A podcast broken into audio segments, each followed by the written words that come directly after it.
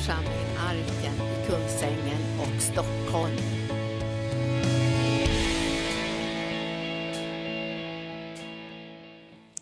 Så nu ska jag eh, ge er ett härligt gudsord. Jag sökte Herren, frågade vad han ville jag skulle tala om ikväll. Och han sa att jag skulle tala om tro.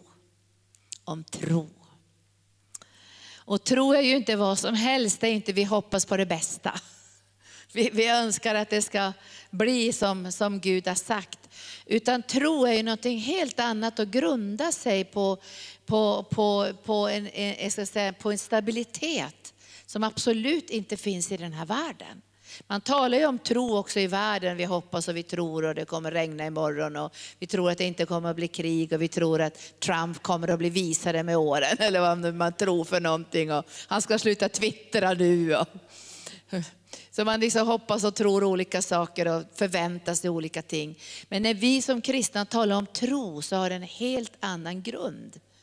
Tro har sin grund och sitt fundament i Guds ord. Väldigt viktigt det. Alltså det har sitt fundament och sin grund i Guds ord. Alltså Jesus är ju en byggnadssten som har kommit ner från himlen. Jag kan förstå att de som jobbar i den här världen, förr i världen och nu för tiden, tänker så här, vad ska vi med den där stenen till? Den liksom passar inte in. Och du kanske har känt också att du inte heller riktigt passar in. Har du känt det på din arbetsplats eller bland vänner och bekanta att du riktigt inte passar in när du börjar säga Jesus, jag älskar Jesus. Så den här stenen står det i Bibeln, den, den förkastade byggnad, byggnad, bygg, de som byggde, byggherrarna och byggmästaren och byggnadsarbetarna, de förkastade och la bort den där stenen. För de förstod inte riktigt, vad ska vi med den där stenen till? Den är så otroligt annorlunda, den här stenen. Och så står det i Bibeln att den här stenen är dyrbar, mycket, mycket dyrbar och den blev en hörnsten. Vet du, man kan inte bygga ett hus utan en hörnsten. Därför då kan det bli vingligt och vad som helst. Det kan bli liksom, det vinglar hitåt, taket hänger på sniskan och väggarna är skeva och så. Så man måste ha en, en hörnsten. Och hörnstenen är också en sten som riktar bygget. Så det går åt rätt håll. Och sen ska den här hörnstenen Jesus också vara slutstenen. Alltså den sammanhållande stenen, den stenen som håller ihop hela bygget. Jesus är ju trons hövding och fullkomnare. Det är bara Jesus som kan visa hur man kan leva i tro på livets alla områden. Har ni tänkt på det? Han är trons hövding och fullkomnare. Alltså han visar med sitt liv, det går att leva i tro. Och han levde i tro hela vägen. Och han levde så mycket i tro så han säger så här, jag gör ingenting annat än det jag ser Fadern göra. Jag säger ingenting annat än det jag hör Fadern säga. Alltså Jesus levde i ett totalt beroende av Gud och det är tro. Vet ni, jag tror är totalt beroende av Gud. Inte därför att man har sett allting, men därför att man tror på honom, att han inte ljuger. Om du och jag börjar vackla när det gäller Guds ord, om vi börjar höra förkunnelse, ja det går nog inte att lita på Guds ord och vi måste nog blanda in något annat, människomeningar, blanda in lite lera i det här. Och, ni vet ju, det, det, det håller ju inte. Ni vet, det går inte, kommer inte att hålla. Alltså kristendomen, alltså kristen säger kristendomen, för det är ju Jesus. Men, men kristna människor kommer inte att bestå provet när det är uppblandat. När det är ädel metall och lera. De fötterna kommer inte klara att stå. En liten prövning och sten bara brakar allting. Därför att tro har att göra med Guds ord, att vi kan lita på vad Gud säger. Och det gjorde ju Jesus. Alltså han litade på vad Gud sa utan att han först såg det, han bara litade på Guds löfte. Och det här ska vi tala om den här kvällen, om tro. Och jag ska börja Eh, läsa ifrån Hebreerbrevet, vad tro är för någonting. Tro är i sitt väsen, jag ska läsa Hebreerbrevet 11, tro är i sitt väsen en övertygelse. Alltså man är totalt övertygad. Inte kanske, kanske inte, vi vet inte kommer det att gå bra, blir det så här. Alltså tro är en övertygelse. Alltså när tron talar så säger den, jag har det när jag sett det. Har du det? Jo det har jag. Hur vet du det? För Gud har sagt det. Alltså tron är en övertygelse. Alltså den tvivlar inte, den tvekar inte, den undrar inte, den säger inte ja och nej, den tänker inte kanske det inte blir så. Den bara vet att det blir på det här sättet. Tron är en övertygelse. Jag vet inte, har ni varit övertygade någon gång? Alltså när man bara övertygar, ingen kan få en att ändra sig. Så, så det, det, är bara bergfast på insidan. Alltså tro är bergfast. Du och jag bygger inte på lösan sand, vi bygger på klippan Jesus. Det är bergfast. Så tro är en övertygelse. Men tro är också i sitt väsen en övertygelse om det som man hoppas. Alltså det som man ser. Och det står ju om Joshua och Kaleb i gamla testamentet att de var av en annan ande. Vad hade de för ande? De var av trons ande.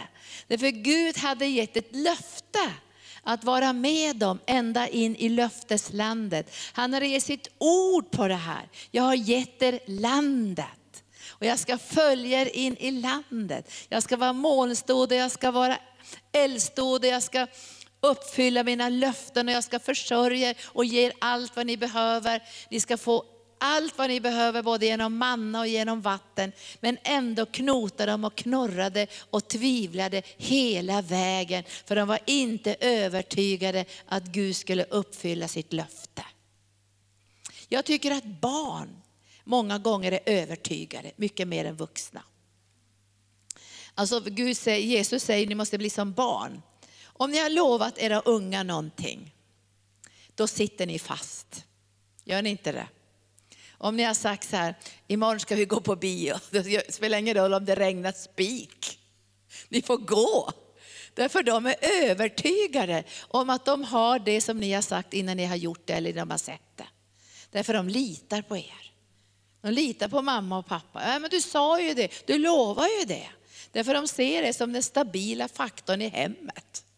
Och därför vet de att säger ni någonting så blir det som, som, som ni har sagt och de kommer att tjata öronen av er. Därför att de tänker, har de lovat så ska de få göra det. Och det, det, måste vara jättesvåra omständigheter som kan hindra barnen. Därför att de är övertygade om att när du har gett löftet så har de det som du har gett löftet om. Så tro är en övertygelse om det man hoppas och sen står det en visshet om det man inte ser. Alltså man har en övertygelse, man har en visshet. Det är trons väsen. Alltså man är övertygad och man är viss om att det som Gud har lovat, det är han mäktig att hålla. Och det finns ju inga omständigheter som kan hindra Gud. Alltså han är universums skapare. Kan Gud hindras av blåst och regn och dåligt väder eller att det är lite krig någonstans? Eller Gud kan bryta in överallt och förändra varje livssituation därför att han är ägaren till allt. Och Jesu namn är över alla andra namn. Och jag tror att Gud önskar att ge oss den här vissheten, den här övertygelsen. Och den hör ihop med överlåtelsen till honom själv och till hans ord. Övertygelse och visshet. Men det står också här att genom tron fick fäderna vittnesbördet. Och det står i Bibeln att Guds ande ska vittna med din ande att du är ett Guds barn. Så tron har också ett vittnesbörd. Och jag tänkte på det när jag var nyfrälst. Jag hade ännu inte läst Bibeln och jag läste kriminologi på universitetet och var i den sista fasen av min utbildning och så blev jag radikalt frälst.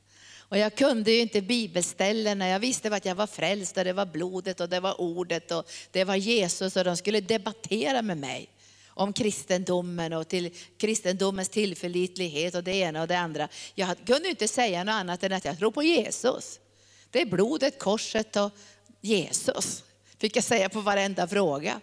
Och de var ju liksom intellektuellt, ska säga, kunde ju överbevisa mig intellektuellt sådär att det var ingen idé att tro på Gud och så tjafsade och bråkade. Så man gick, gick ju därifrån lite smådeppad. Men de kunde ju aldrig ta ifrån en vittnesbördet på insidan. Hur mycket de än gnatade och tjatade och gick emot mig och bråkade med mig för att jag var frälst kunde de aldrig ta bort vittnesbördet ur min ande. För jag var övertygad och jag var viss att jag var frälst. Alltså, det har ingen kunnat ta ifrån mig. Alltså från den dag jag tog emot Jesus som min frälsare så visste jag att jag var frälst. Vet, jag har aldrig tvivlat på min frälsning. Alltså jag fick trons vittnesbörd så kraftigt i min ande. Sen när jag började vandra med Gud på område efter område. Han är min försörjare. Och så får man visshet om Guds försörjning. Och hur får man visshet om Guds försörjning? Genom ordet såklart.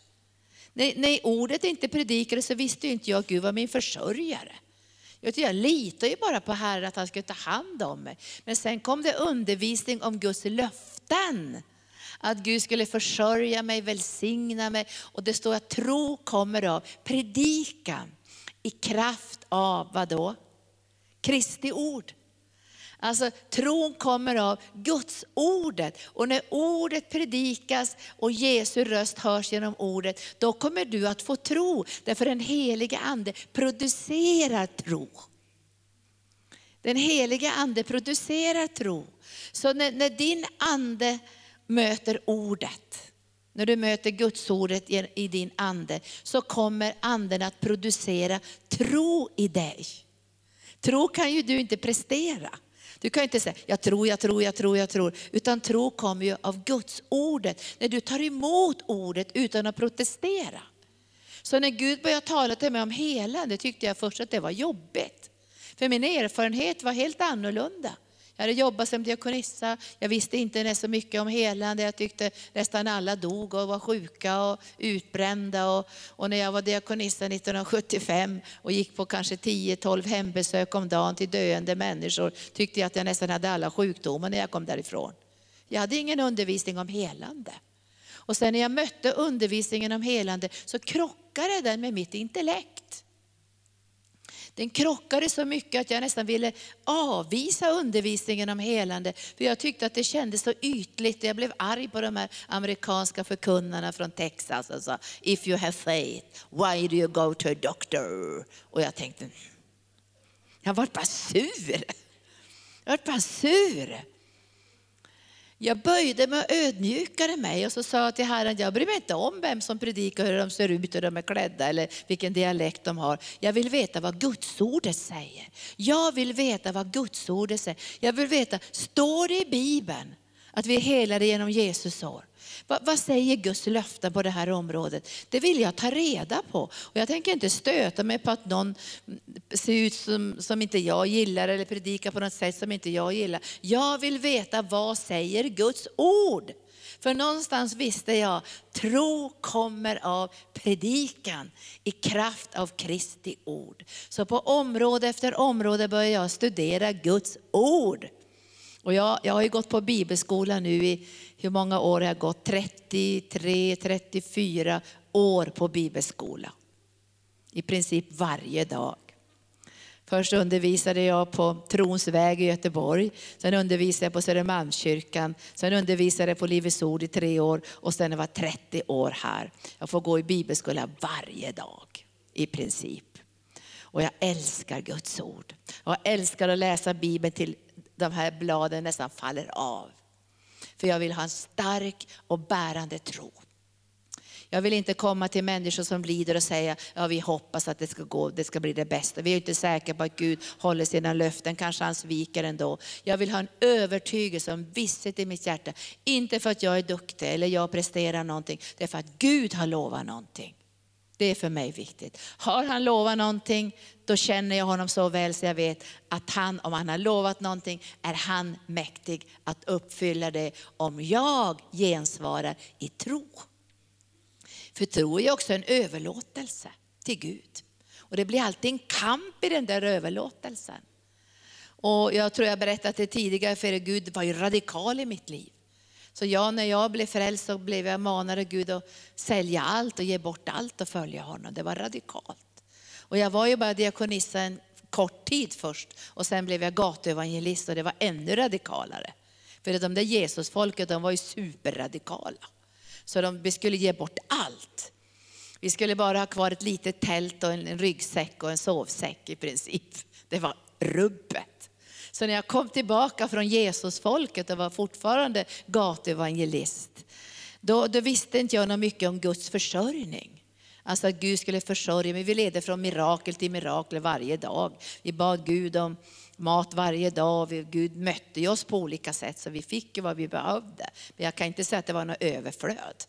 Så jag hade lämnat den akademiska världen, jag hade lämnat allting när jag var nästan 26 på gränsen till 27 år var jag fortfarande gatuevangelist. Vi gick på gatorna, stora bibeln, vittnade hela dagarna, levde från minut till minut på Guds mirakel. Och varenda kväll fick vi pengar till bussbiljetten. Vi fick pengar varenda kväll. Man kunde bara stå så här, och helige ande låt någon komma med pengar till bussbiljetten. För vi fick det alltid. Och så kunde man, åh gode Gud idag skulle vi ha ett gott mål mat. Vi fick alltid bönesvar. Vi gick från mirakel till mirakler. Men den här kvällen så fick jag inga pengar till bussbiljetter. Mina kompisar hade åkt hem tidigare till Jesushuset. Så jag stod ensam där i halvmörker var det och lite regn och kallt och dant var det. Och jag hade vittnat den kvällen jättemycket på gatorna. Och jag sa, Gud kan inte någon komma med bussbiljetten åtminstone en tia så jag kan åka hem med bussen. Sista bussen gick och jag hade ingen bussbiljett. Och då stod jag i den här busshytten. Jag, kan, jag kommer ihåg det liksom precis här levande än idag, hur djävulen kom in i busshytten. Alltså djävulen kom in. Och vet du, han är bra på att prata. Jag ska lova er ikväll, man får inte tro när djävulen pratar. Alltså han är jättebra på att prata. Han pratar negativt, han trycker ner oss, han, han säger jättejobbiga saker, han förtalar oss, han fördömer oss, han allt det där negativa kom ifrån mörkrets makter. Och när jag stod där i busshytten, nu kom ju inte djävulen så jag såg honom, men han kom genom sin ondskefulla närvaro. Och så sa han så här, jaså du står i busshytten? Ja, sa jag, det gör jag. Jaha, sa han, varför står du här? Nu ska jag visa dig hur dina kompisar har det som gjorde färdigt där på universitetet. De har fina hus och fina bilar och de står inte i en busshytt sent på kvällen när de är så här gamla som du, utan pengar. Jobbigt va? Och så sa han så här, och fula kläder har du också. Och jag hade, vi, vi levde ju så otroligt fattigt. Så jag hade ju träskor med sen nött skinn i. Och Så sa han, titta på dina fula skor. Sådana skor har man när man följer Jesus. Och så sa han så och kappan sa han, omodern. Vet du, jag hade fått den i Holland av en tant som inte ville ha kvar den längre. Det var så kallt så jag hade fått den där gamla kappan. Vilken snygg kappa du har, sa han. Sådana där kappor, fula kappor får man när man tjänar Jesus. Inga pengar, fula skor. Och var bor du någonstans då? Med Jesusfolket i en rivningskåk. Alltså han stod riktigt och anklagade mig. Till sist fick jag liksom säga att han hade helt rätt på sätt och vis. Att skorna var fula och kappan var omodern och jag hade inga pengar till bussen och, och bodde i rivningskåk med Jesusfolket. Det var ju sant allt det här. Men det var inte sant ändå att det här var frukten för att jag tjänade Jesus. Det var inte sant. Det var bara så här. Och jag kände mig lite deppig faktiskt. när Jag stod där och kallt var det. Och jag tänkte jag får väl gå hem då till Jesushuset. Och sen när jag hade stått där en stund, då kom Jesus in i busshytten. Och det var en helt annan atmosfär. Han sa ingenting om skorna. Han sa ingenting om den fula kappan. Han sa ingenting om att jag inte haft några pengar till bussbiljetten. Han sa bara så här, Linda sa han, du är den rikaste personen i hela världen, sa han. Du är rikare än alla de där människorna som han jämförde med, som har fina husen och bilarna och allt det här. Du är rikare än alla dem. Och jag sa, är jag? Och så sa han, för du har mig. Du har mig. Vet du, det hände något i mitt hjärta, så det här är jättelänge sedan, förvandlade hela mitt liv. Därför tron måste grundas i Jesus själv. Du är rikast av alla för du har mig. Och därför kan omständigheterna se ut på ett visst sätt. Men när du och jag har Jesus Kristus så är vi rikare än alla människor i den här världen. För vi har den kostbara pärlan. Vi har den skatten som alla människor söker efter. Och jag kommer ihåg den kväll jag bara dansade här med mina fula träskor. Jag bara dansade, jag är rikast av alla för jag har Jesus. Och jag var så otroligt tacksam i mitt hjärta. Sen började det hända saker. Jag fick tag på trosförkunnelsen. Och jag, jag hörde eh, förkunnare säga, han har välsignat dig med all den himmelska världens andliga välsignelser. Då kan man inte titta på de fula träskorna och den omoderna kappan. Då måste man titta på ett annat håll. Jag har välsignat dig med all den himmelska världens andliga välsignelse. Var då någonstans? I Jesus Kristus. Där är du och jag välsignade. Så jag började säga det. Kommer du ihåg det en dag? Skrattade åt mig. Jag började säga, jag är välsignad med all den himmelska världens andliga välsignelse. Jaha, sa de. Det syns ju inte än. Det borde väl synas om du är välsignad. Nej, sa jag, det syns inte än.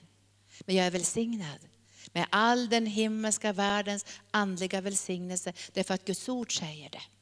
Efesierbrevet 1 säger det, han har välsignat dig med all den himmelska världens andliga välsignelse. Och jag kommer ihåg att jag gick och pratade så här, tyckte, de tyckte jag var jobbig. Jag är välsignad med all den himmelska världens andliga välsignelse. Och då kom jag ihåg en av mina vänner som tyckte lite synd om mig och sa, Jo, sa hon, det syns ju inte än på Linda att hon är välsignad, men det är bara en tidsfråga. Det är bara en tidsfråga. Det började hända märkliga saker sen i mitt liv. Jag fick så mycket skor.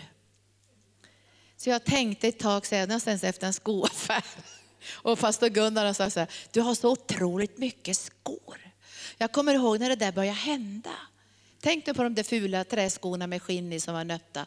Jag kom till Norge och då var, då var det en, en, en man där som ägde en skoaffär. Så sa han så här, jag vill välsigna dig Linda, du ska få gå in i den här skoaffären. Och så ska du få hur många skor du vill. Jag tycker det var Guds humor. Kom ihåg att jag stod i busshytten med de fula skorna, gamla träskorna med skinn i. Och sen började det komma skor. Det kom skor. Den ena skoparet efter det andra, det kom skor. Jag fick skor från alla håll. Det bara flödade skor. Och sen började det flöda kappor också. Jag kommer ihåg det började flöda kappor och det flödade pälsar. Den vita Eh, minkpälsen, den bruna minkpälsen, den tredje bruna minkpälsen. Kappor flödade in i mitt liv. Det var som att Gud sa, kommer du ihåg den fula kappan från Holland? Jag tänkte, men jag vill inte ha några mera kappor, började ge bort kapporna. Det flödade kappor. Och sen började det flöda klänningar och kjolar och jackor.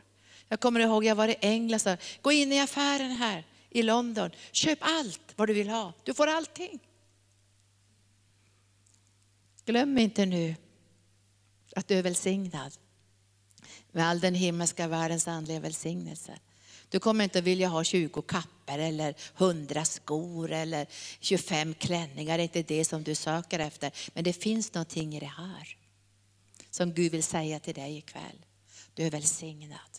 Och det handlar inte om det synliga det som, det som du lever i just nu. Det handlar om att Gud säger någonting in i ditt liv. Och jag tror att det här var nästan var Guds humor. Därför att djävulen slog ner mig så i busshytten för de fula skorna och den fula kappan. Det var som att Gud sa, när du följer mig så kommer du inte sakna någonting. Och jag sa till Herren så här, men du har ju till och med lovat hundra hus, om jag nu får hundra klänningar och hundra skor, så jag vill inte, det vill man inte ha.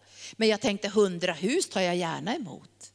För det står ju det i Bibeln. Om du lämnar allt för att följa mig ska du få hundra hus. Och jag mötte ju förkunnare som sa så här, ja men jag vill ha en hytta i bergen och kanske en fin eh, hus i Spanien. Det vill inte jag ha, jag vill inte ha något sånt. Så det är ingen idé att Gud ger mig det, för det kommer jag ge bort. Men däremot vill jag ha hundra hus. Vill du det? Om du har lämnat allt för att följa Jesus. Du är välsignad. Och genom tron kan du göra anspråk på saker. Du behöver inte hundra klänningar, men det kanske finns någon där ute som behöver en klänning eller en jacka eller ett par skor. Det kanske finns någon som är hungrig och fattig, någon som är nödlidande och någon som är husvill. Och därför kan du genom tron börja åberopa en välsignelse som ska flöda in i ditt liv för att du ska kunna välsigna andra. Därför att tron talar Guds ord och talar ut Guds välsignelser. Tack Jesus. Idag saknar jag inga skor och inga jackor och inga klänningar. Och djävulen bråkar inte på det området längre. Han kommer inte säga, här står du Linda med dina fula träskor. Men jag ska säga så här, den kvällen där jag sprang hem med mina fula träskor och omoderna kappa. Alltså jag var så salig. Så jag har nästan fått tänka, är jag så här salig nu? Alltså den här saligheten över att Gud sa det där. Jag försöker komma ihåg ibland när jag stod där och djävulen tryckte ner mig. Han skrattade, ha, ha, ha, 27 år och, och, du har lämnat allt för Jesus. Titta nu hur ditt liv ser ut. Du vet den där känslan. Och sen den där saligheten. Där jag bara kände hur hela mitt innersta nästan exploderade av kärlek till Jesus. Jag tänkte, jag kan ha den där gamla kappan resten av livet. Jag tänkte jag kan gå med de fula träskorna i den finaste bankett Spelar ingen roll, för jag är rikast av alla i hela världen, för jag har någonting som de inte har, som har de fina husen och fina kläder och allt där. Vi har Jesus, konungarnas konung och her, herrarnas herre. Och så börjar din tro att tala, inte bara för ditt eget liv. Och Gud ge mig en bussbiljett hem, gode Gud ge mig nu på snygga skor, hjälp mig nu Gud. Utan du börjar tala för världens frälsning. Du börjar tala för människor i andra delar av världen. Du börjar tala ut Guds löften för församlingen. Du börjar profetera ut på ett högre plan. För du vet, vet att du vet att tro är en övertygelse. Tro är en visshet, tro är ett vittnesbörd i ditt hjärta att han aldrig kommer att svika dig. För mig är det tro. Det är inte att jag tror, jag tror, utan en förtröstan, en överlåtelse, en visshet att han kommer alltid vara med mig. Och nu, nu hoppas ni orkar en liten stund till, för nu tänkte jag ska säga något om, jag ska läsa från Hebreerbrevet, men först tänkte jag läsa om Abraham. Och det står i Romarbrevet kapitel 4. Alltså jag tycker den här tron som uttrycks ur hans liv, den är så vacker. Alltså det är något så vackert i den här tron. Alltså att, för han fick ju inte löftet uppfyllt på långa vägar så snabbt som han hade önskat. Alltså man önskar ju sådär precis som vi hörde Timo säga att, att eh, man tror och så går det till uppfyllelse på fem minuter. Det, det är inte riktigt min erfarenhet. Att, att jag har inte gått på den här vägen att allt bara löser så här. Utan jag har fått gå trons väg, bekännelsens väg. Bara att få leva i hälsa idag har varit en lång väg för mig att proklamera, bekänna ordet, förtrösta ordet, lämna mitt liv till ordet, kasta mig själv in i ordet, förtrösta på att Herren är min läkare och min styrka. För jag kan inte ge trons ord till andra om jag inte kan vila i den förtröstan och vissheten. Gud är Herren min läkare. Jag kan inte sitta här i ett bönerum med fullt med tvivel i mitt hjärta och tänka, tänk om Gud sviker nu, tänk om han inte är med mig. Utan jag måste lita på att det han har sagt, det är han mäktig att uppfylla. Det är tron på honom själv på att han inte ljuger och att han talar sanning. Och det här hade ju Abraham, för han fick ju vänta så länge fast han hade fått löftet. Och det står så här att i 4 och eh, 16 så står det, det heter av tro för att det ska vara av nåd. Och löftet står fast för alla hans avkomlingar. Inte bara för de som tillhör lagens folk, utan också de som har Abrahams tro. Han är allas vår far. Som det står skrivet, då fick ju Abraham löftet, jag har gjort det till en far till många folk. Och det är han inför den som han trodde på. Gud som ger liv åt de döda och kallar på det som inte är till som det var till. Alltså det är typiskt Gud. Han kallar på det som inte är till som det är till. Och du, du och jag ikväll har ju fått den förmågan ihop med honom. Att kalla på de ting som inte syns som de finns. Därför Gud har gett löftet. Och därför måste vi kunna Guds ordet. För vi kan inte kalla på vad som helst. Vi måste kalla på Guds ordet. Du vet Abraham trodde så mycket på det här ordet så han bytte namn på sin fru. Visste ni det?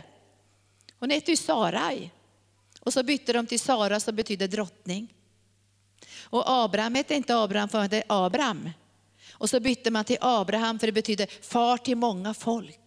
Så när de var supergamla, snustorra och menstruationen hade upphört hos Sara sedan 60 år.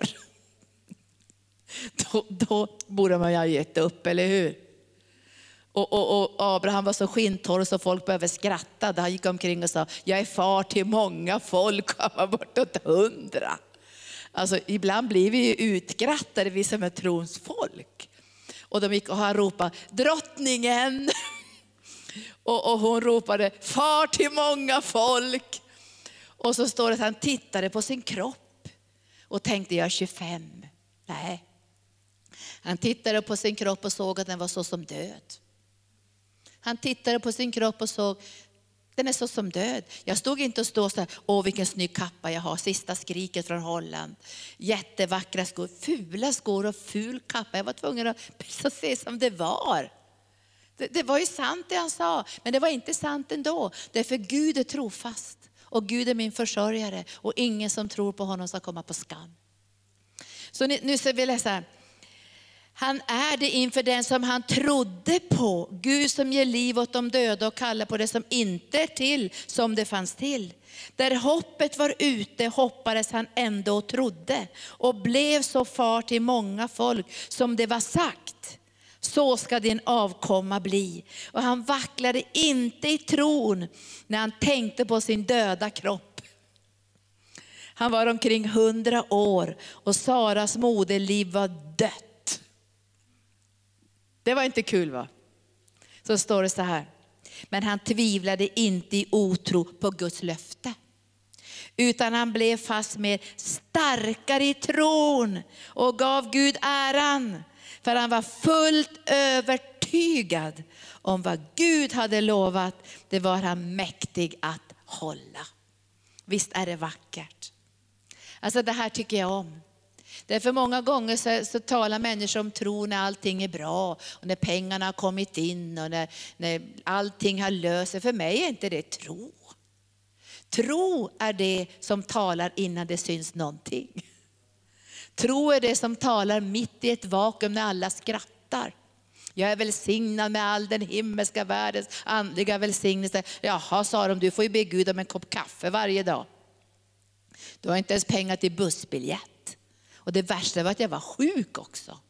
Jag hade reumatismen och hjärtfel. Jag hade inga bra odds. Så jag kunde lika gärna hållit med djävulen. Ja, det här blir det när man känner Jesus. Sjuk är jag, ont i hjärtat har jag, hjärtproblem, reumatismen, ont i höfterna, fattig är jag, får liksom leva nästan från mirakel till mirakel varje dag. Och så har jag lämnat allt för att följa Jesus och gjort, gett upp min akademiska karriär. Och här står jag på gatan med en stor bibel och en ryggsäck. Kul va? Men jag var rikast av alla för jag hade Jesus. Så tro tycker jag är det vackraste när den talar när det inte finns någonting. Där det inte syns någonting. Bara för att Gud har gett löftet. Och Gud ger ju löften genom att vi börjar känna till ordet. Att det här ska Gud ge. Det här är vad Gud har lovat. Det här är Guds löften in i ditt liv. Och så håller du med Gud fast det syns inte. Det märks ingenting. Det märks inte ens i din kropp, men du börjar tala. Och så banas en väg in i ditt hjärta hjärta för att Guds löften ska kunna uppfyllas i ditt liv. Och mitt hjärtproblem försvann, min reumatism försvann. Det började komma överflöd i mitt liv. Jag kommer så väl ihåg när jag började be för, för 4 000 kronor. Hur ska jag kunna be för 4 000 kronor? Idag måste jag be för miljoner. Men jag vet, han är trofast. Han är trofast. Jag vet det. Har vi han gett löftena, har han gett kallelsen, har han sagt till oss att göra vissa saker, så vet jag, Gud kommer att vara trofast. Och ibland så tänker jag, hur gick det här till? Nu åker jag snart till Indien. Och vi byggde ett center där för fyra miljoner, vet ni det? Ett jättestort center mitt i slummen har vi byggt där. Och jag kommer ihåg än idag när tron kom i mitt hjärta, äh, kände jag. Övertygelse, visshet i mitt hjärta. Jag gick i Kolkata, Calcutta, i smutsen, i slummen, i skiten skulle man kunna säga. Prostitution, nöd och smuts och döende djur. Och, ja, det var bara mörker. Och då kände jag mitt hjärta, det bara tog tag på insidan. Och jag kände en övertygelse och jag kände en visshet. Och jag kände det var så starkt i mitt hjärta. Så jag satte ner min fot och jag sa till min partner, som vi hade inte gjort någonting där uppe i Nordindien, så sa jag till honom, vi börjar ikväll.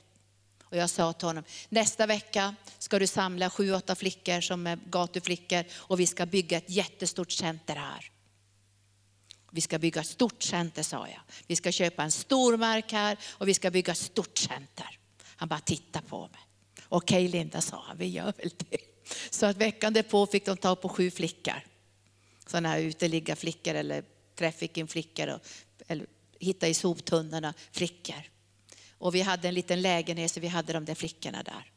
Men jag fick proklamera ut, Gud du har sagt ett center. Jag satte ner min fot. Och sakta men säkert så såg jag hur den helige ande kopplar ihop med mitt hjärtas tro. Och jag kommer ihåg när vi köpte den där tomten, det var väl 4, 5, 6 tusen kvadratmeter. Jag kommer inte ihåg hur stor den var, var ganska stor. Och vi hade de där flickorna då som vi hade i några lägenheter. Och vi fick inte byggnadstillstånd för att börja det här bygget. Och, och jag tog, vi tog ut de där flickorna och de fastade och bad. De fastade inte så mycket men de fastade lite grann och bad. Och de stod på den här tomten och proklamerade Guds löfte. Här kommer det att vara byggnader. Här ska det vara fem byggnader, sex byggnader, här ska det vara sju byggnader. Här ska det vara ett barnhem, här ska det vara en klinik, här ska det vara ett församlingshus. Och de kallade på det som inte syntes så som det fanns. Därför Gud hade gett löftet och vi hade satt ner vår fot i namnet Jesus. Idag har vi de sju husen. Vi har till och med aircondition där. Och nu ska jag åka dit och hålla kampanj och vi ska inviga och jobba med olika saker. Tron talar. Tron talar. Och det var det som Abraham fick i sitt hjärta. Han började tala ut, jag är en far till många folk och jag tänker inte tvivla, varför det? Det är för Gud har gett löftet. Och nu tänker jag ägga upp dig här ikväll, att börja tala tro. Alltså vi måste tala innan vi ser det. Och för tron sätter oss i rörelse. Nu går jag tillbaka, jag ska försöka gå ner på landning. Jag har två timmar till som jag tänkte tala där. Men jag kan inte hålla på så länge ikväll. Tron är inte passiv. Alltså tron talar ju, men den är i rörelse också. Den är i rörelse mot själva målet. Därför tron måste ta emot oss och vara i rörelse, i en överlåtelse till det som man talar ut, eller hur? Man kan inte bara vara passiv och tänka hoppas det blir någonting. Alltså man måste som investera också sitt eget liv. För det står i kapitel 10 här om tron, eh, när jag läser nu i 11, så står det genom tron, det står, genom tron förstår vi att universum har skapats genom ett ord från Gud.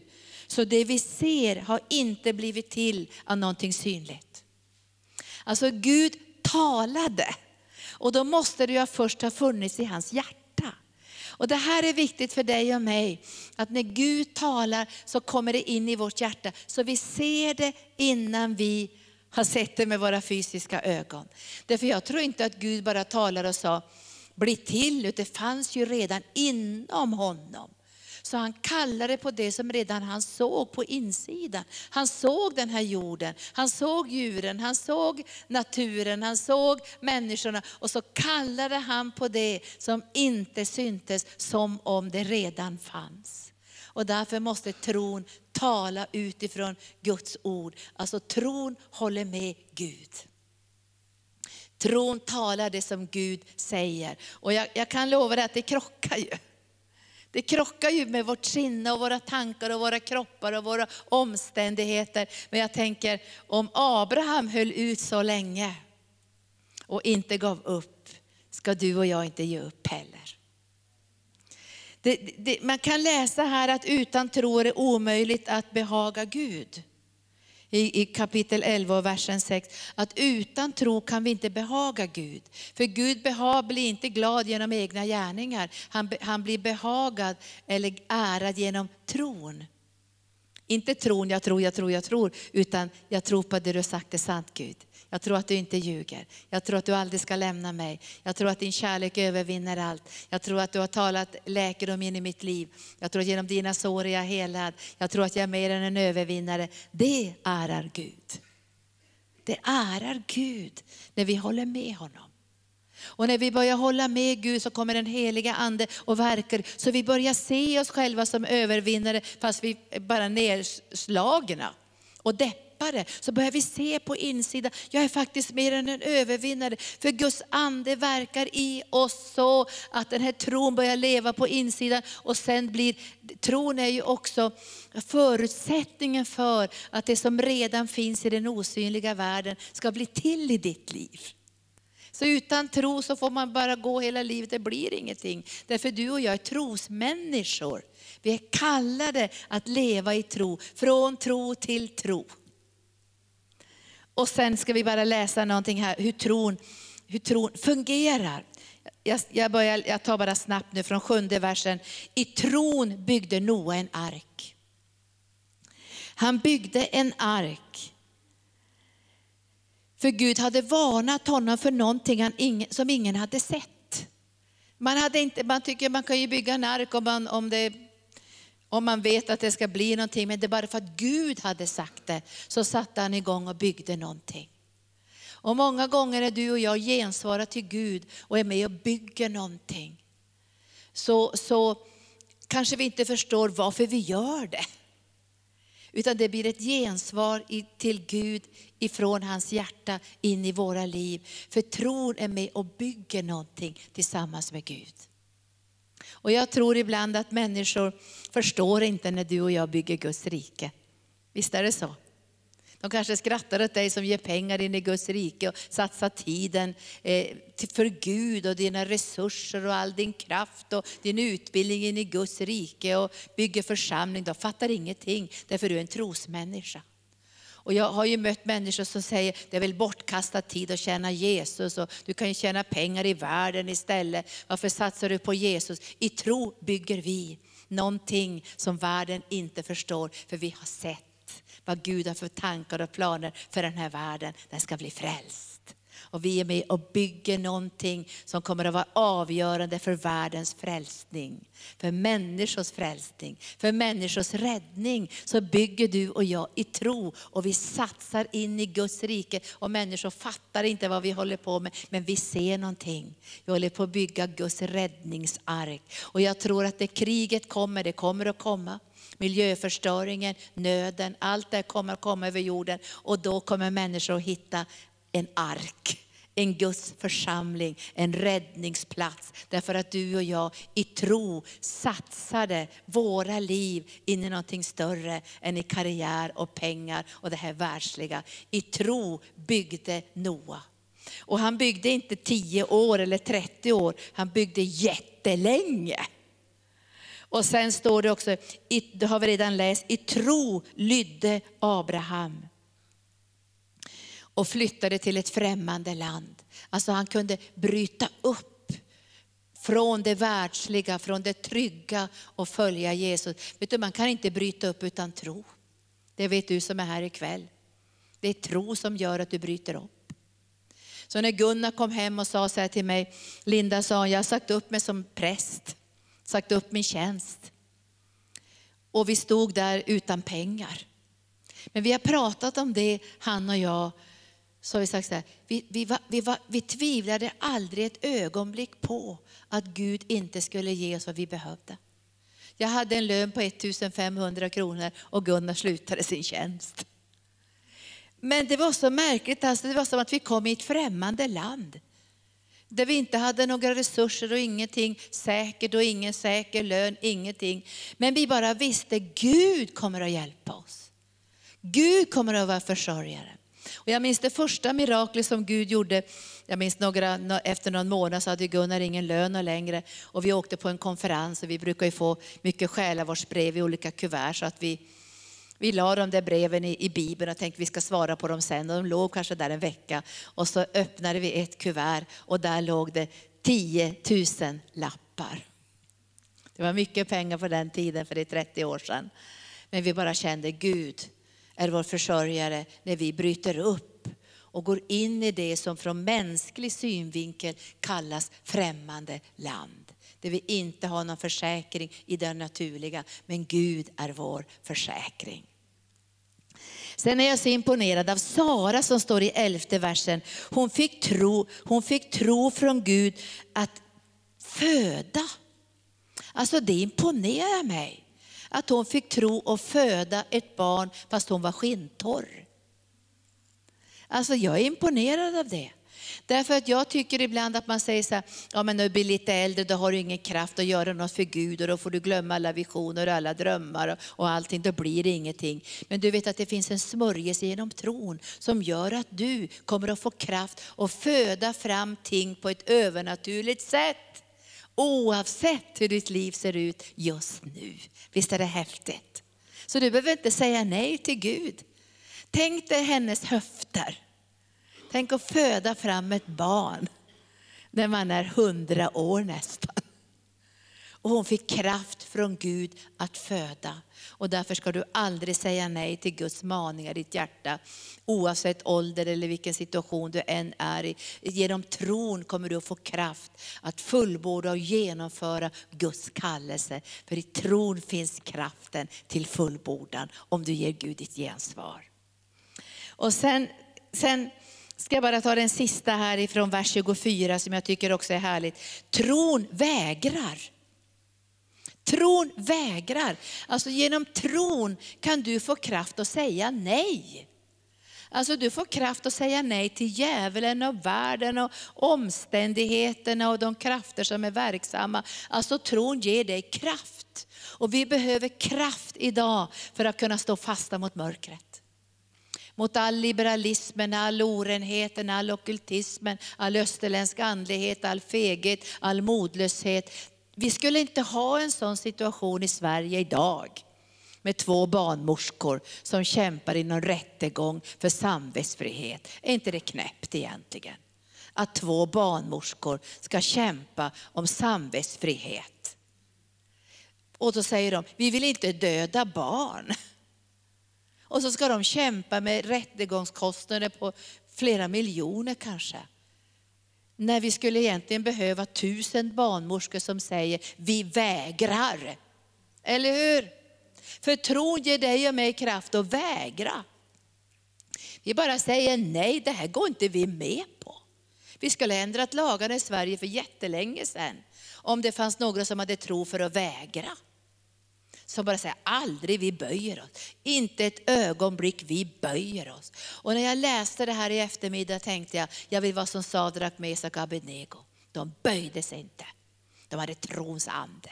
Och när Nebukadnessar han vredgas och säger så här, Oh, om, ni, om, ni, om ni inte lyder mig och böjer er för eld, inte eldstoden utan den här guldstoden, då ska jag kasta er i den brinnande ugnen och då vet, då vet jag inte om er Gud kommer att rädda er. Vad svarar de då? Om vår Gud räddar oss eller inte, det spelar ingen roll. Vi tänker inte böja oss för det. Jag tycker om det. Vi böjer oss inte. Genom tron kan du och jag bara vägra. Och ni vet ju de, de egyptiska barnmorskorna, de vägrar ju att döda de hebreiska barnen. De bara vägrade och Gud välsignade dem. Men vi behöver tro idag för att inte böja oss en millimeter. Tänk om tusen kristna barnmorskor, jag tänker på det ibland, bara hade vägrat. Bara satt ner sin fot så här i Jesu namn, vi vägrar. Och så hade de gått på Clas Olsson och köpt sig lite rep och så hade de bundit fast sig på Akademiska sjukhuset Café. Och så hade de sagt så här, vi står bakom de här två barnmorskorna och vi bara vägrar. Vet du, det hade skett någonting i anden. Och vi behöver tro idag för att vägra. Alltså vi behöver kunna säga nej till orenhet, livs, alltså oren livsföring, när kyrkorna öppnar upp för new age och österländsk andlighet och man börjar lägga fram yogamattor, då måste ni vägra. Jag fick i eftermiddag ett mejl från en upprörd mamma som sa, nu måste våra barn i skolan tvingas att göra yoga. Det tvingas vi inte alls. Vägra! Bara vi gör aldrig det här. Och, och då får man säga, vad ska ni göra då? Då ska vi tala i tungor. Vi bara vägrar. Alltså jag gillar det här. Jag tycker om den här tron som bara vägrar. Alltså det händer något. Vi ska inte bara mesa, ja vi får väl böja oss då.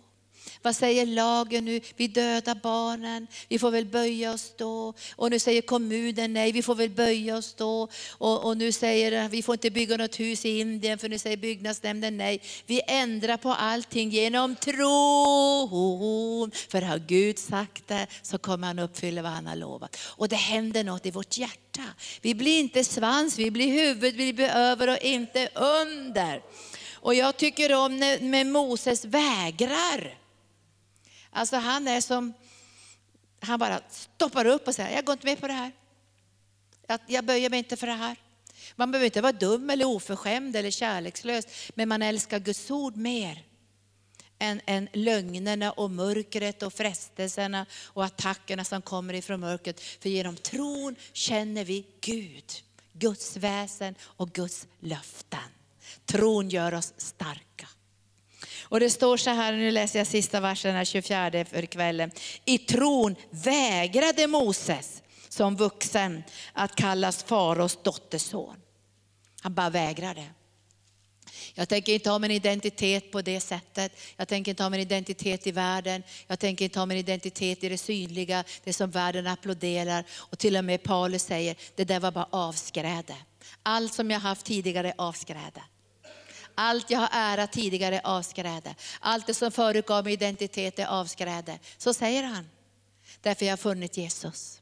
Och jämförelsevis med det som jag har i Jesus är allt annat utan värde.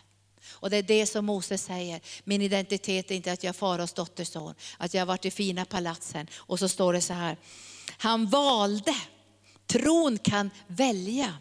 Han valde hellre att bli förtryckt eller förföljd tillsammans med Guds folk än att för en kortvarig njutning av synden. För han räknade Kristi vanära som en större rikedom än Egyptens alla skatter. För han hade sin blick riktad på lönen. Nu ska jag avsluta ikväll och säga att tro är en övertygelse och en visshet. Och jag märker idag att kristna slarvar med gudsordet. Om man frågar dem, så, har du några löften på hälsa? Har du några löften bara övervinnare? Har du några löften om andlig krigföring? Har du några löften om god ekonomi? Har du några löften om Gud ska vara din herde? Då kan de bara några bibelställen. Men du och jag, vi måste liksom fylla oss med Guds ord. Så att Guds ande får verka på ordet. Så att vi får en bärkraftig, stark tro som bär oss igenom. Därför vi kommer att få prövningar, vi kommer att få utsatthet, vi kommer att få attacker på vårt liv. Men Gud, Jesus säger så här, jag har bett för dig att din tro inte ska gå sönder. Jag har bett för dig att din tro inte ska bli ta slut. Och du och jag, vi vet inte hur vi kommer att reagera om vi inte får köpa och sälja utan vilddjurets märke.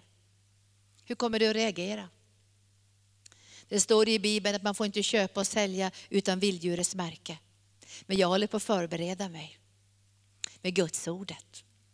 Att leva i tro, ge mitt tionde, proklamera Guds försörjning. För jag tänker inte ta vilddjurets märke. Hellre bor jag bakom en sten och äter knäckebröd. Men jag kommer inte ta vilddjurets märke. Även om de säger att du får inte handla längre på Coop om du inte tar vilddjurets märke. Ja, då handlar vi inte på Coop. Därför vi tänker inte ta vilddjurets märke. Men om vi inte vet något om Guds försörjning, om vi inte vet något om Gud har omsorg om oss, vi kommer att gå sönder allihopa. Vi kommer att ta vilddjurets märke och böja oss för Antikrist. Men det kommer du inte att göra. För du har satt dina fötter på klippan Jesus och du har en bärande tro. Och du vet att ingenting kan skilja dig från Guds kärlek. Inte ångest, inte fara, inte svärd, inte döden, inte andemakter, inte första höjden eller djupet. Utan du kommer att vara mer än en övervinnare genom hans kärlek. Så står det i Romarbrevet 8. Mer än en övervinnare. Varför det? Därför att han har vunnit seger. Och han har bundit djävulen, lagt honom under sina fötter, avväpnat honom och han har gjort oss till trons folk. Och trons folk är inte en mesig skara som inte vet vad de heter och var de bor. Utan trons folk är ett folk som känner Guds löften mer och mer och gör en djupare och djupare överlåtelse till honom som har talat ordet in i vårt liv. Och vi måste lita på att han inte ljuger. Djävulen ljuger, men Gud ljuger inte. Jag kan tänka mig att jag kunde ha fortsatt att leva med mina fula skor. Och den gamla kappan från Holland. Jag tror inte att det hade spelat någon roll, för ibland kan man få leva så som missionär. Men jag tror att Gud ändå ville säga någonting till mig. Att rikedomen sitter inte i fina kläder, eller i fina skor, eller i något hus eller något sånt där. Rikedomen, den yttersta, djupaste rikedomen sitter i kärleken till Jesus. Där är vi rika oavsett vilka omständigheter vi har. Men Gud är trofast, kommer aldrig lämna dig, aldrig överge dig. Därför kan vi dristigt säga, vad kan människor göra mig? Gud är min herde, min försörjare, min rättfärdighet, min läkare, min helgelse. Och i varje uppenbarelse om vem Gud är så finns också Guds löften. Tack Jesus. Nu var jag radikal ikväll, eller hur? Men nu ska jag få dig till en riktig bibelläsare.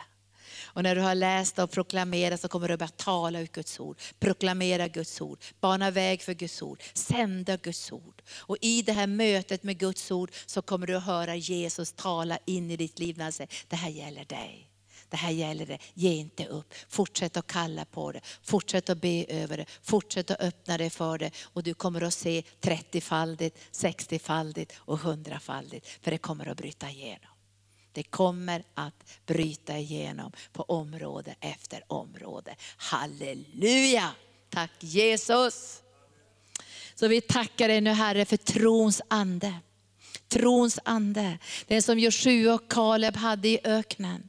När de inte böjde sig under knot och knorr och omständigheter. Där de fortsatte att tala tro att Gud hade gett dem löfteslandet. Och de dog inte med knot och knorrarna i öknen. Utan de fick tillsammans med den unga generationen, den generation som föddes i öknen, gå in i löfteslandet. Krigare, starka, övervinnande. För de visste att han som hade gett löftet, han var trofast. Och därför ber det heliga Ande ikväll att du rensar undan från våra liv alla tvivel.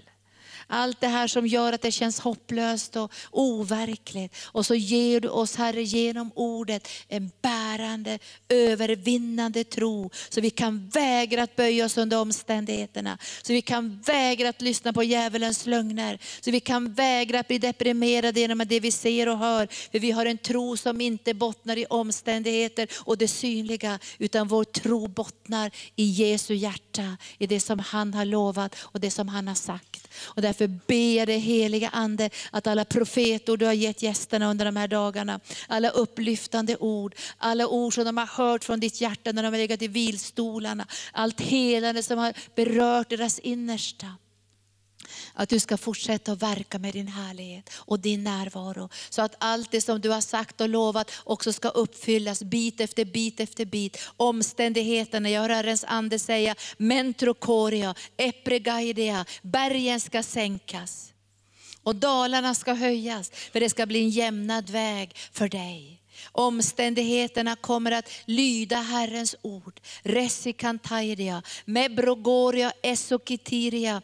Och de orden som Herren har sänt om läkedom. Han sände sitt ord och så smälte han det frusna. Och jag tackar dig för ord av läkedom som har förs in i mina syskons innersta, kommer att verka med läkedom. För du har lovat Herre, att när ordet tränger in i våra hjärtan och bevaras i våra hjärtan, då ska det bli läkedom för hela vår kropp. Och jag tackar dig Herre för alla fantastiska, underbara ord som mina syskon har hört den här kvällen. Och de har hört som de har hört från ditt hjärta den här kvällen. Och under den här dagen när de kom på måndag så hörde de orden. Du har talat orden in i våra hjärtan.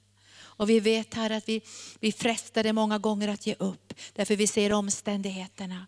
Men du har gett oss trons ande och vi kan kalla på det som inte syns så som det fanns. Abraham kallade på liv in i sin döda kropp och Sara fick kraft att föda fast hennes kraft hade var för länge sedan borta borta. Så fick hon kraft genom anden att föda. Därför du hade gett löftena att hon skulle bli en drottning och han skulle bli en far till många folk. Och jag tackar dig Gud för att du ikväll i oss alla lägger trons ande. Ge oss trons ande med övertygelse och visshet och vittnesbörd så vi förankras i ditt ord och i ditt hjärta. För vi ska se Herre, för den här världen kommer att komma i mörker. Och Herrens ande säger att mörker övertäcker jorden. Ja, mörker övertäcker folken och töcken övertäcker folken. Men Herren säger ikväll att ljuset ska gå upp över dig och folken ska vandra i ljuset som går upp över dig.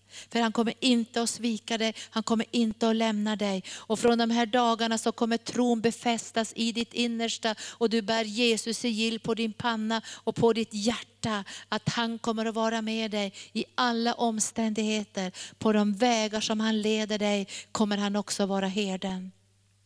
Så kom nu helige Ande, kom med trons ande, kom med trons ande, kom med trons ande Jesus. Väck till liv alla ord som du har gett oss. Väck till liv alla ord som vi bär i vårt innersta. Väck till liv alla bibelord som vi har läst Herre. Väck till liv alla profetiska uppmuntringar vi har fått genom åren. Vi går in i mörka tider. Vi går in i tider när världen kommer att skaka, när aktiemarknaden kommer att skaka, när det naturliga inte längre kommer att bli ett fäste för människor. När de är utbrända, sargade, förtvivlade. Men vi har fått ett fäste. Vi har en grund, vi har ett, ett fundament i våra liv som vi kan bygga på. Och vi vet att när stormarna kommer, när vindarna blåser, så kommer vårt hus att bestå. Vi bygger inte på lösan sand, vi bygger på honom som har gett löftet, konungarnas konung och herrarnas herre. Så kom nu heliga ande och fyll oss ikväll med trons ande. I Jesu namn, i Jesu namn. Kom heliga ande, hjälp mina syskon att vägra. Genom tron ska de vägra, genom tron ska de bygga, genom tron ska de göra en överlåtelse. Genom tron ska de få kraft att föda, genom tron ska de kunna bryta igenom. Genom tron ska de kunna ta emot välsignelserna som redan är givna genom Jesus Kristus i den himmelska världen. Genom tron ska de inte bli deppiga tappade när omständigheterna inte vittnar med deras hjärta. Genom tron ska de hålla fast vid dina löften. Även om djävulen står och skrattar åt dem så ska de hålla fast vid tron att de är rikare än alla andra i den här världen som inte har Jesus. För de har konungarnas konung och herrarnas herre i sitt hjärta. Och därför finns också presumtivt allting som de behöver. För de har skaparen själv på insidan. De har läkaren på insidan. De har försörjaren på insidan. De har rättfärdiggörelsen på insidan. Och vi tackar dig Herre för ikväll är det något nytt som sker i våra liv. Vi bara känner hur trons ande, trons ande trons ande fyller våra hjärtan. Resokotoria, bregonoria, entrokiria, sesikeidia. Kan vi inte bara sträcka ut händerna till varandra och så upplivar vi trons ande. Den här smörjelsen som gör att vi bara vägrar att lyssna till vad djävulen säger. Vi vägrar att böja oss under omständigheterna. Vi vägrar att låta oss ledas av det naturliga. Vi vägrar att låta djävulen stå och attackera oss och trycka ner oss. Utan vi kommer att börja tala tro. Vi kommer att kalla på det som inte finns så som det fanns. För Gud har gett löftena. Vi tänker inte böja oss en millimeter för djävulens omständigheter och lögner. Och jag bara talar till den här flickan nu som har anorexia Maria. Jag bara talar till de här andemakterna som plågar henne. Böj dina knän Satan i namnet Jesus. Böj dina knän, för i namnet Jesus så sänder jag hälsa in i den här flickans liv. Och jag sänder längtan efter hälsa. Och de här förkastelseandarna, den här självskadebeteendet, det böjer sig nu i namnet Jesus, för jag sänder liv och hälsa. Jag kallar in i denna flickas liv på Guds bild om henne. Guds kärlek ska träffa hennes hjärta, för hon är älskad av dig Jesus. Du har kallat på henne, du har gett ditt liv för henne och alla djävulens destruktiva lögner, de ska böja sig. För jag lyfter den här flickan inför dig nu Herre och jag ber dig heliga Ande, låt henne få se sig själv genom dina ögon som ser hur vacker hon är, hur dyrbar hon är och hon ska vägra de här makterna av död som vill förstöra hennes liv. Hon kommer att vägra som Moses vägrade. Kommer hon att vägra att lyssna till de här krafterna längre. Och hon kommer att öppna sig för sundhet. Sundhet i mat och hälsa. Sundhet att vi är en flicka som gensvarar till kallelsen. Och vi bara sänder ordet nu in i den här flickans liv. Resokoria. Jag sänder ordet med hälsa. Jag sänder ordet med sundhet. Jag sänder ordet med liv. Jag sänder ordet ordet med glädje. Jag sänder ordet med vederkvickelse och vårregn in i den här flickans liv. I Jesu namn. I Jesu namn. Nessikiria. Jag bara kallar på trons ande Resokoria. Bregonoria, Massikiria och Kolasendria. Jag bara kallar på trons ande. Alla depressiva krafter, alla mörkrets makter, allt som är nergånget och, och sargat och smutsigt. Det får böja sig, för vi är rikare än alla andra. Vi har Jesus och vi tittar inte på omständigheterna. Vi tittar inte på om vi inte har några pengar eller fina kläder eller om vi har någonting i det naturliga. För vi har rikedomen i anden. Vi har ett himmelskt arv i den himmelska världen. Vi är välsignade med all den himmelska världens andliga välsignelser. Vårt baktråg ska överflöda och vårt arbete ska överflöda. Himmelens förrådshus ska vara öppna och överflödande. Och det ska vara vårregn och det ska vara höstregn och fienden ska fly sin väg. För vi är välsignade i Jesus Kristus med all den himmelska världens andliga välsignelse. Och vi kommer inte att böja oss en millimeter för vi tror att Gud är trofast i det som han lovar och det som han säger. Och trons ande ska fylla våra hjärtan den här kvällen.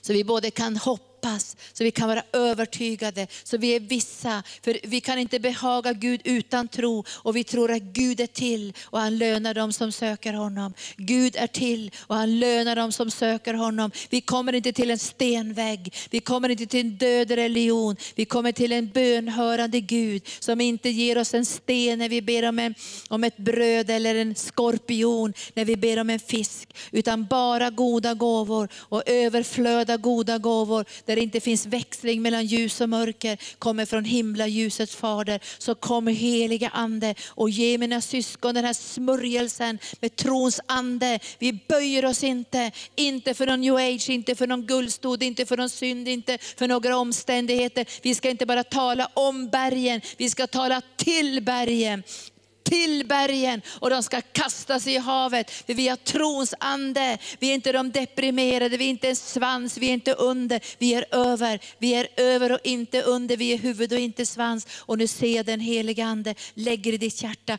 trons ande som förändrar omständigheter. Trons ande som gör att du kan sätta ner din fot och säga, nu är det nog. Jag böjer mig inte en millimeter under de här krafterna, under de här makterna. För jag är kung och präst och jag kan kalla på det som inte syns så som det fanns. Jag kan förändra omständigheter tillsammans med Gud, för jag har trons ande. Jag har trons ande. Ränder och geidia. Och Herrens ande säger genom Paulus till den unga Timoteus, du har inte fått försagdhetens ande, du har inte fått modlöshetens ande, du har fått kraftens ande, du har fått kärlekens ande och du har fått behärskningens ande, du har fått självbehärskningens ande. Så du kan stanna upp och säga, jag böjer mig inte under den här lögnen och längre. Jag känner igen igen när djävulen kommer med lögnerna och modlösheten och attackerna och fördömelsen. Men vi böjer oss inte en millimeter, för vi är övervinnare, vi är kungar och präster, vi är inte främlingar, utan vi har fått ett hem. Vi är tagna utifrån mörkrets rike och vi är satta i den älskade sonens rike. Och jag löser trons ande. Det är slut med depressionen,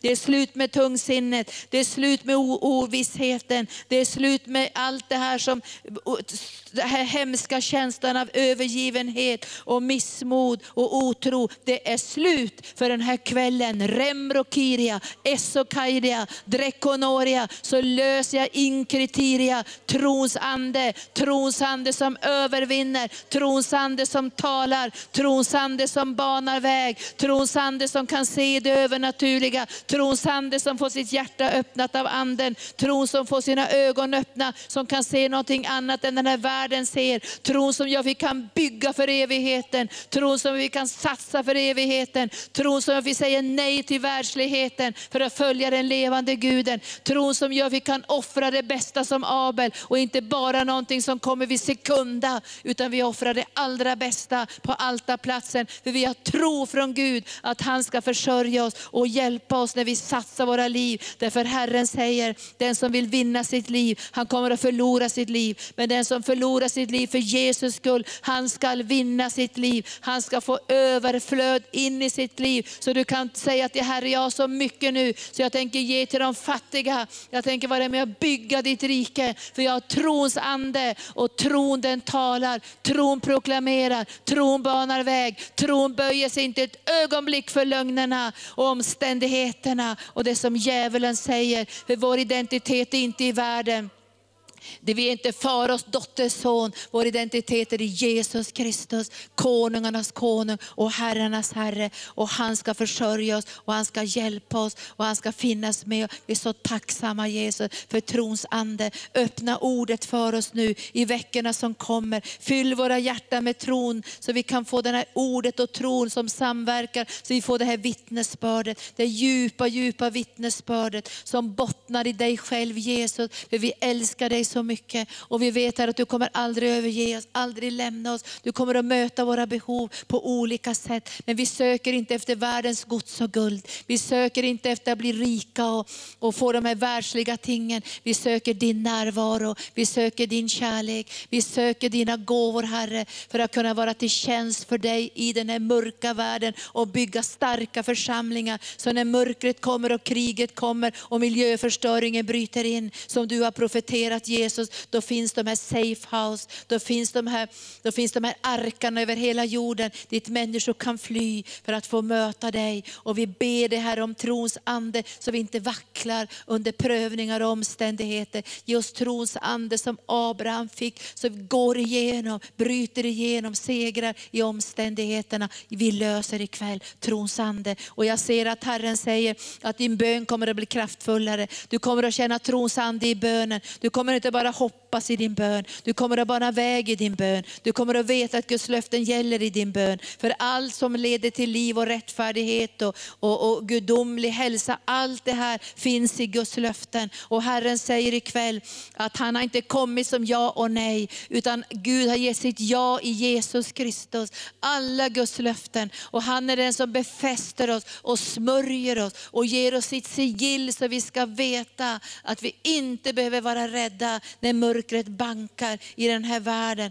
Då står vi fasta i Jesus Kristus. Kom heliga Ande och vi bara ser den här trons ande. Rendrokiria, Prendokario, Messikeidia, Ekrodoria, Membrokoria, Essokoria, Messikaidia, Ekosoria. Och vi bara ser trons ande, trons ande, trons ande. Och jag bara ser i anden att flera av er här som har fått på helande dagarna, ni kommer att få kallelsegåvor. Gud kommer att bara, ni kommer att stå i ett mörker som jag gjorde i Kolkata. Jag hade kunnat åka hem och sagt så okej, okay, det går inte att göra så mycket här, det är så mycket nöd, jag har inga pengar och ingenting. Jag hade bara kunnat åka hem. Men det skedde något i min ande. Och när du till exempel hör om olika saker, om djurplågeri eller någonting annat, eller trafficking eller nöd på olika sätt, så kanske det ligger en kallelse i det. Att du, du bara inte tänker, ja det är så jobbigt allting och det är så svårt allting. Men det händer något i din ande. När trons ande kommer så kommer du att känna, vi förändrar det här. Vi ska förändra det här. Och jag ska vara med och förändra. När du börjar känna sådana saker, då är det trons ande. Jag tycker många gånger folk säger, åh vad jobbigt allting är och vi har inte folk till det här och folk till det här och vi har inte pengar till det här. Jag blir trött att höra sånt. Jag vet ju att det kan vara så. Vi har inte pengar till allt. Vi har inte resurser till allt, vi har inte personal till allt. Men det behöver inte jag påminnas om, för det vet jag redan. Jag vill att det ska vara trons ande. Abraham visste ju att han var gammal och skintorr. Han tittade ju på sin kropp, men han gick inte varje dag, jag är skintorr, jag är skintorr. Utan han sa, jag är fader till många folk. Eller hur? Så när du börjar känna det där, jag ska vara med och förändra. Och jag älskar när personal och ledare och församlingsmedlemmar får trons ande. Jag tror inte alls att, att de ljuger, att, vi, att allt är bra, för det är ju inte det. Men trons ande förändrar. Trons ande gör någonting nytt. Och det blir väldigt skönt att vara där trons ande finns. Vi går inte omkring och säger, jag är inte sjuk, jag är inte sjuk, då ljuger vi ju. Eller jag, jag, jag har vackra skor, jag har vackra skor fast alla säger att du har de mest fulaste skorna i hela världen. Så det är inte det du håller på med, det är trons ande. Trons ande säger någonting annat. Och det här krockar i vårt sinne när trons ande börjar verka. För då börjar vi bli naturliga. Ja men visst, det här syns ju inte. Nej det syns inte. För Gud kallar på de ting som inte syns. Så som de fanns.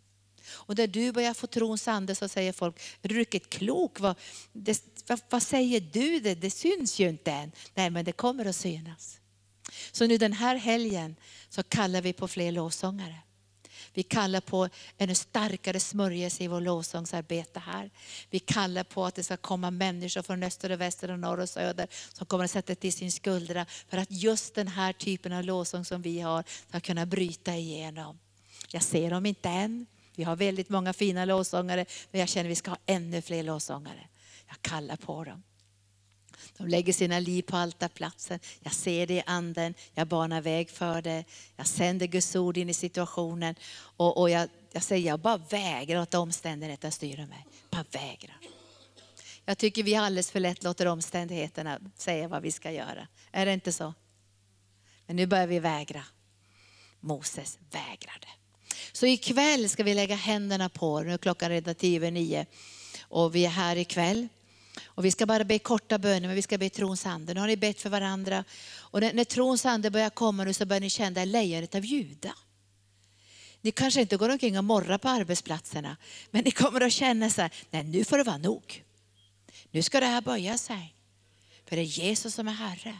Och när det är konflikter och mörker och bråk, alltså, proklamera Guds ord. Kalla på det ni vill ha. Och Herren frågar, vad vill du ha? Vad vill du ha för någonting? Så börjar du kalla på det. Men då måste du veta att Gud har gett löftet. Du kan inte kalla på något som inte Gud har gett löfte i. Men fort du får tag på ett löfte kan du börja kalla på det. Så vi ska lösa nu den här trons anda. Och, och från den här kvällen kommer det att bli svårare för djävulen att trycka ner dig. Kommer att märka det. Han kommer ju som vanligt att trycka ner dig, men han kommer inte att trycka ner dig. Du kommer att känna av att han försöker komma, nej, hej då. Det här böjer jag mig inte under. Jag är mer än en övervinnare. Kommer med negativa tankar, ta dem till fånga, lägg dem under Jesu lydnad. Bara ta dem under Jesu lydnad. För trons ande verkar i dig. Tack Jesus.